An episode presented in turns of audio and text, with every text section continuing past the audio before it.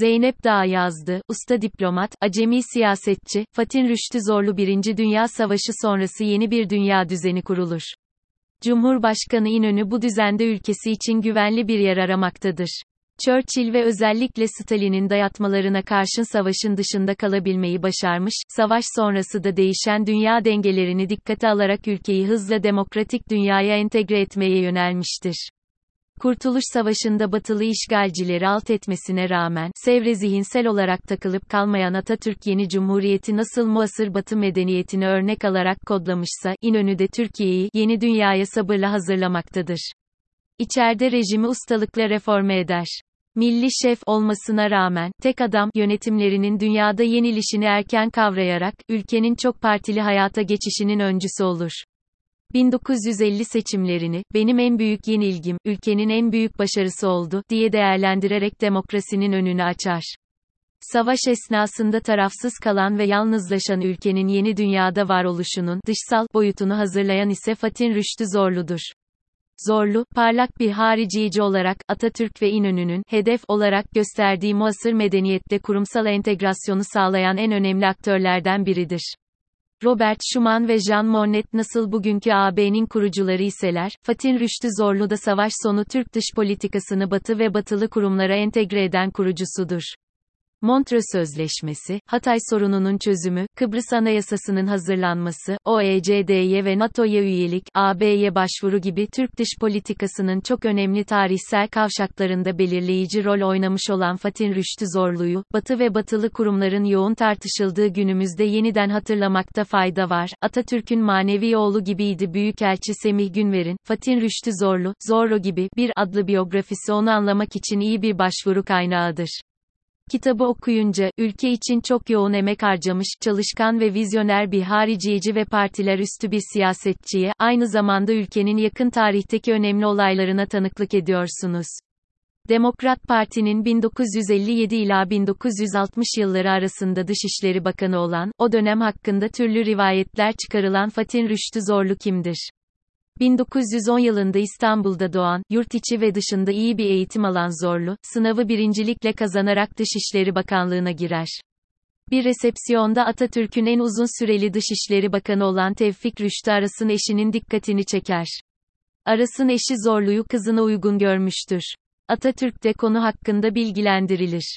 Zorlu'nun nişan ve düğünü bizzat Atatürk'ün himayesinde yapılır, hatta nişanı Cumhuriyet'in 10. yıl kutlama resepsiyonunda 29 Ekim'de yapılır. 27 Mayıs darbecilerinin 16 Eylül 1960'da asarak infaz ettikleri Zorlu'yu Atatürk'ün neredeyse manevi oğlu olarak gördüğü gözden kaçan önemli bir detaydır. Dışişlerine ilk başladığı andan itibaren, vizyoner bir anlayışla inisiyatif alması, sonucu odaklı çalışması ve geleneksel bürokratik kalıplara sığmaması statükocu çevrelerce aykırı bulunur. Yeni bir dünyanın kurulduğunun farkında olan müzakerelerin duayeni, bürokrasi çarkında dönen küçük ayak oyunlarını anlayamaz bile. Türk dış politikası açısından yaşamsal öneme sahip olan Montreux ve Hatay sorunun çözümü ile ilgili heyetlerde yer alması, çok taraflı diplomaside yetkinlik kazanmasını sağlar. 1941 yılında Hitler'in orduları Moskova'ya yaklaşınca, geçici olarak başkent olan Kuybişev'te savaş ortamının tüm yoksunluklarını göze alarak gönüllü tayinle Sovyetler Birliği'nde çalışır. 1944 yılında, Fransa'nın Suriye'nin egemenliğini tanıması üzerine, o sırada Lübnan'da başkonsolos olan Zorlu, Hatay Anlaşması'nın Fransızlar üzerinden Suriye'ye kabul ettirilmesi yönünde önemli inisiyatifler kullanır. Savaşın sonunda Batı ve Doğu bloku olarak ikiye bölünen uluslararası sistemde Zorlu, İnönü gibi önceliği Türkiye'nin batılı kurumlara etkin katılımına ayırır. Dışişlerinde ticaret dairesinin başında, yanındaki genç kadroyla ülkenin savaş sonundaki yalnızlıktan çıkışı için çalışır. 1948 yılında ülkemizin katıldığı ilk batılı kurum bugün OECD diye anılan Avrupa İktisadi İşbirliği Teşkilatı bunun ilk adımıdır. Zorlu, iktisadi altyapının güçlendirilerek ülkenin sanayi ve tarımsal alanlarda kalkınabilmesi için OECD ve diğer uluslararası kuruluşlardan Türkiye'ye fon aktarılması sürecinde büyük çaba harcar. Daha sonra NATO nezdinde Türkiye'nin daimi büyükelçisi olur. Nokta. İki düşman kampa bölünmüş Avrupa'da, ülkenin güvenlik sorununun NATO'ya katılarak çözülmesinde ve askeri alanda gerekli modernizasyonların yapılabilmesinde de Zorlu'nun müdahalesi vardır hep. O dönem elçilikte çalışan genç diplomat Zeki Kuneral, Zorlu'nun NATO'dan azami derecede yararlanmaya çalışmasını, limonun son suyunu sıkacak kadar, benzetmesiyle anlatır. Yunanistan'la eş zamanlı olarak NATO'ya katılmamıza rağmen, NATO'nun Ege adalarında yapacağı bir ortak projeyi Lozan Anlaşması'na aykırı olacağı gerekçesiyle iptal ettirir ve Yunanlıların büyük tepkisini çeker. Kıbrıs onun döneminde gündeme gelmiştir siyaset aklında yokken, eşi tarafından da yakın tanıdığı Menderes'in dikkatini çekmesiyle kendini siyasette bulur. 1954 yılında Demokrat Parti'den Çanakkale milletvekili olarak meclise girer, kabinede iktisadi işlerden ve Kıbrıs'tan sorumlu devlet bakanı ve başbakan yardımcısı olarak görev alır. Menderes, yoğun dış politika gündemini dönemin Dışişleri Bakanı Fuat Köprülü ile götüremeyeceğinin farkındadır. Köprülü, uçak korkusu nedeniyle seyahatten hoşlanmayan, uluslararası toplantılara ve çok taraflı diplomasiye ilgi göstermeyen bir Dışişleri Bakanıdır. Örneğin, Avrupa Konseyi dönem başkanlığı Türkiye'ye geldiğinde köprülü başkanlığı üstlenmeyip, böylesine önemli bir diplomatik misyonu Belçika'ya devretmekte bir sakınca görmez. Oysa zorlu yaklaşık 3 yıllık Dışişleri Bakanlığı döneminde 378 gün ülke dışındaki uluslararası müzakerelere katılmak durumunda kalır. Hatta bir kez Kıbrıs görüşmeleri için Paris'e gideceği gün, pilotun Esenboğa'daki kötü hava koşulları nedeniyle uçuş yapılamayacağını söylemesine rağmen, bu toplantının Türkiye için yaşamsal önemde olduğunu söyleyerek kendi yaşamını riske atarak gider. Selefi Köprülü'nün, Yunanistan'la aramızda Kıbrıs diye bir sorun yok demesine rağmen, bakanlığı döneminde önceliğini Kıbrıs konusuna ayırır. 1878'de fiilen, Lozan Anlaşması ile de hukuken terk edilen Kıbrıs, Türkiye'nin gündemine zorlu sayesinde tekrar girer. Birinci Dünya Savaşı sonrası yeni bir dünya düzeni kurulur. Cumhurbaşkanı İnönü bu düzende ülkesi için güvenli bir yer aramaktadır. Churchill ve özellikle Stalin'in dayatmalarına karşın savaşın dışında kalabilmeyi başarmış, savaş sonrası da değişen dünya dengelerini dikkate alarak ülkeyi hızla demokratik dünyaya entegre etmeye yönelmiştir.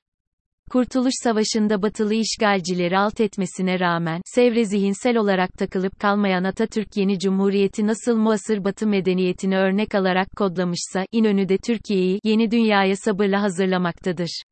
İçeride rejimi ustalıkla reforme eder. Milli şef olmasına rağmen, tek adam yönetimlerinin dünyada yenilişini erken kavrayarak, ülkenin çok partili hayata geçişinin öncüsü olur.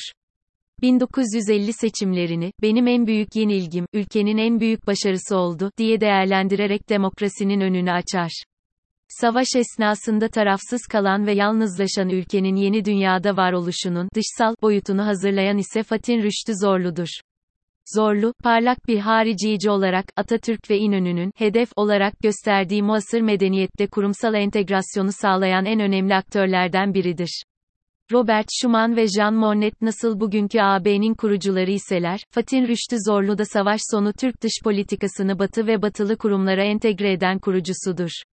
Montreux Sözleşmesi, Hatay sorununun çözümü, Kıbrıs Anayasası'nın hazırlanması, OECD'ye ve NATO'ya üyelik, AB'ye başvuru gibi Türk dış politikasının çok önemli tarihsel kavşaklarında belirleyici rol oynamış olan Fatin Rüştü Zorlu'yu, Batı ve batılı kurumların yoğun tartışıldığı günümüzde yeniden hatırlamakta fayda var. Atatürk'ün manevi oğlu gibiydi Büyükelçi Semih Günver'in, Fatin Rüştü Zorlu, Zorro gibi, bir adlı biyografisi onu anlamak için iyi bir başvuru kaynağıdır. Kitabı okuyunca, ülke için çok yoğun emek harcamış, çalışkan ve vizyoner bir hariciyeci ve partiler üstü bir siyasetçiye, aynı zamanda ülkenin yakın tarihteki önemli olaylarına tanıklık ediyorsunuz. Demokrat Parti'nin 1957 ila 1960 yılları arasında Dışişleri Bakanı olan, o dönem hakkında türlü rivayetler çıkarılan Fatin Rüştü Zorlu kimdir? 1910 yılında İstanbul'da doğan, yurt içi ve dışında iyi bir eğitim alan Zorlu, sınavı birincilikle kazanarak Dışişleri Bakanlığına girer. Bir resepsiyonda Atatürk'ün en uzun süreli Dışişleri Bakanı olan Tevfik Rüştü Aras'ın eşinin dikkatini çeker. Aras'ın eşi Zorlu'yu kızına uygun görmüştür. Nokta. Atatürk de konu hakkında bilgilendirilir. Zorlu'nun nişan ve düğünü bizzat Atatürk'ün himayesinde yapılır, hatta nişanı Cumhuriyet'in 10. yıl kutlama resepsiyonunda 29 Ekim'de yapılır. 27 Mayıs darbecilerinin 16 Eylül 1960'da asarak infaz ettikleri Zorlu'yu Atatürk'ün neredeyse manevi oğlu olarak gördüğü gözden kaçan önemli bir detaydır. Dışişlerine ilk başladığı andan itibaren, vizyoner bir anlayışla inisiyatif alması, sonucu odaklı çalışması ve geleneksel bürokratik kalıplara sığmaması statükocu çevrelerce aykırı bulunur. Yeni bir dünyanın kurulduğunun farkında olan müzakerelerin duayeni, bürokrasi çarkında dönen küçük ayak oyunlarını anlayamaz bile. Türk dış politikası açısından yaşamsal öneme sahip olan Montreux ve Hatay sorunun çözümü ile ilgili heyetlerde yer alması, çok taraflı diplomaside yetkinlik kazanmasını sağlar. 1941 yılında Hitler'in orduları Moskova'ya yaklaşınca, geçici olarak başkent olan Kuybişev'te savaş ortamının tüm yoksunluklarını göze alarak gönüllü tayinle Sovyetler Birliği'nde çalışır. 1944 yılında, Fransa'nın Suriye'nin egemenliğini tanıması üzerine, o sırada Lübnan'da başkonsolos olan Zorlu, Hatay Anlaşması'nın Fransızlar üzerinden Suriye'ye kabul ettirilmesi yönünde önemli inisiyatifler kullanır. Savaşın sonunda Batı ve Doğu bloku olarak ikiye bölünen uluslararası sistemde Zorlu, İnönü gibi önceliği Türkiye'nin batılı kurumlara etkin katılımını ayırır. Dışişlerinde ticaret dairesinin başında, yanındaki genç kadroyla ülkenin savaş sonundaki yalnızlıktan çıkışı için çalışır. 1948 yılında ülkemizin katıldığı ilk batılı kurum bugün OECD diye anılan Avrupa İktisadi İşbirliği Teşkilatı bunun ilk adımıdır. Zorlu, iktisadi altyapının güçlendirilerek ülkenin sanayi ve tarımsal alanlarda kalkınabilmesi için OECD ve diğer uluslararası kuruluşlardan Türkiye'ye fon aktarılması sürecinde büyük çaba harcar. Daha sonra NATO nezdinde Türkiye'nin daimi büyükelçisi olur. İki düşman kampa bölünmüş Avrupa'da, ülkenin güvenlik sorununun NATO'ya katılarak çözülmesinde ve askeri alanda gerekli modernizasyonların yapılabilmesinde de Zorlu'nun müdahalesi vardır hep. O dönem elçilikte çalışan genç diplomat Zeki Kuneral, Zorlu'nun NATO'dan azami derecede yararlanmaya çalışmasını, limonun son suyunu sıkacak kadar, benzetmesiyle anlatır. Yunanistan'la eş zamanlı olarak NATO'ya katılmamıza rağmen, NATO'nun Ege Adalarında yapacağı bir ortak projeyi Lozan Anlaşması'na aykırı olacağı gerekçesiyle iptal ettirir ve Yunanlıların büyük tepkisini çeker. Kıbrıs onun döneminde gündeme gelmiştir siyaset aklında yokken, eşi tarafından da yakın tanıdığı Menderes'in dikkatini çekmesiyle kendini siyasette bulur. 1954 yılında Demokrat Parti'den Çanakkale milletvekili olarak meclise girer, kabinede iktisadi işlerden ve Kıbrıs'tan sorumlu devlet bakanı ve başbakan yardımcısı olarak görev alır. Menderes, yoğun dış politika gündemini dönemin Dışişleri Bakanı Fuat Köprülü ile götüremeyeceğinin farkındadır.